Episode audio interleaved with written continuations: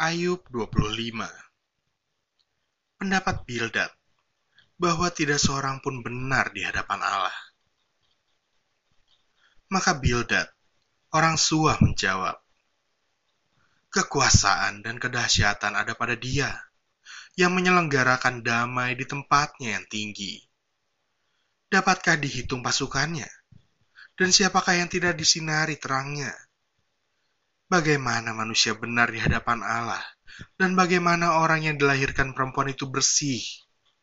Sesungguhnya, bahkan bulan pun tidak terang, dan bintang-bintang pun tidak cerah di matanya. Lebih-lebih lagi manusia yang adalah berenga, anak manusia yang adalah ulat.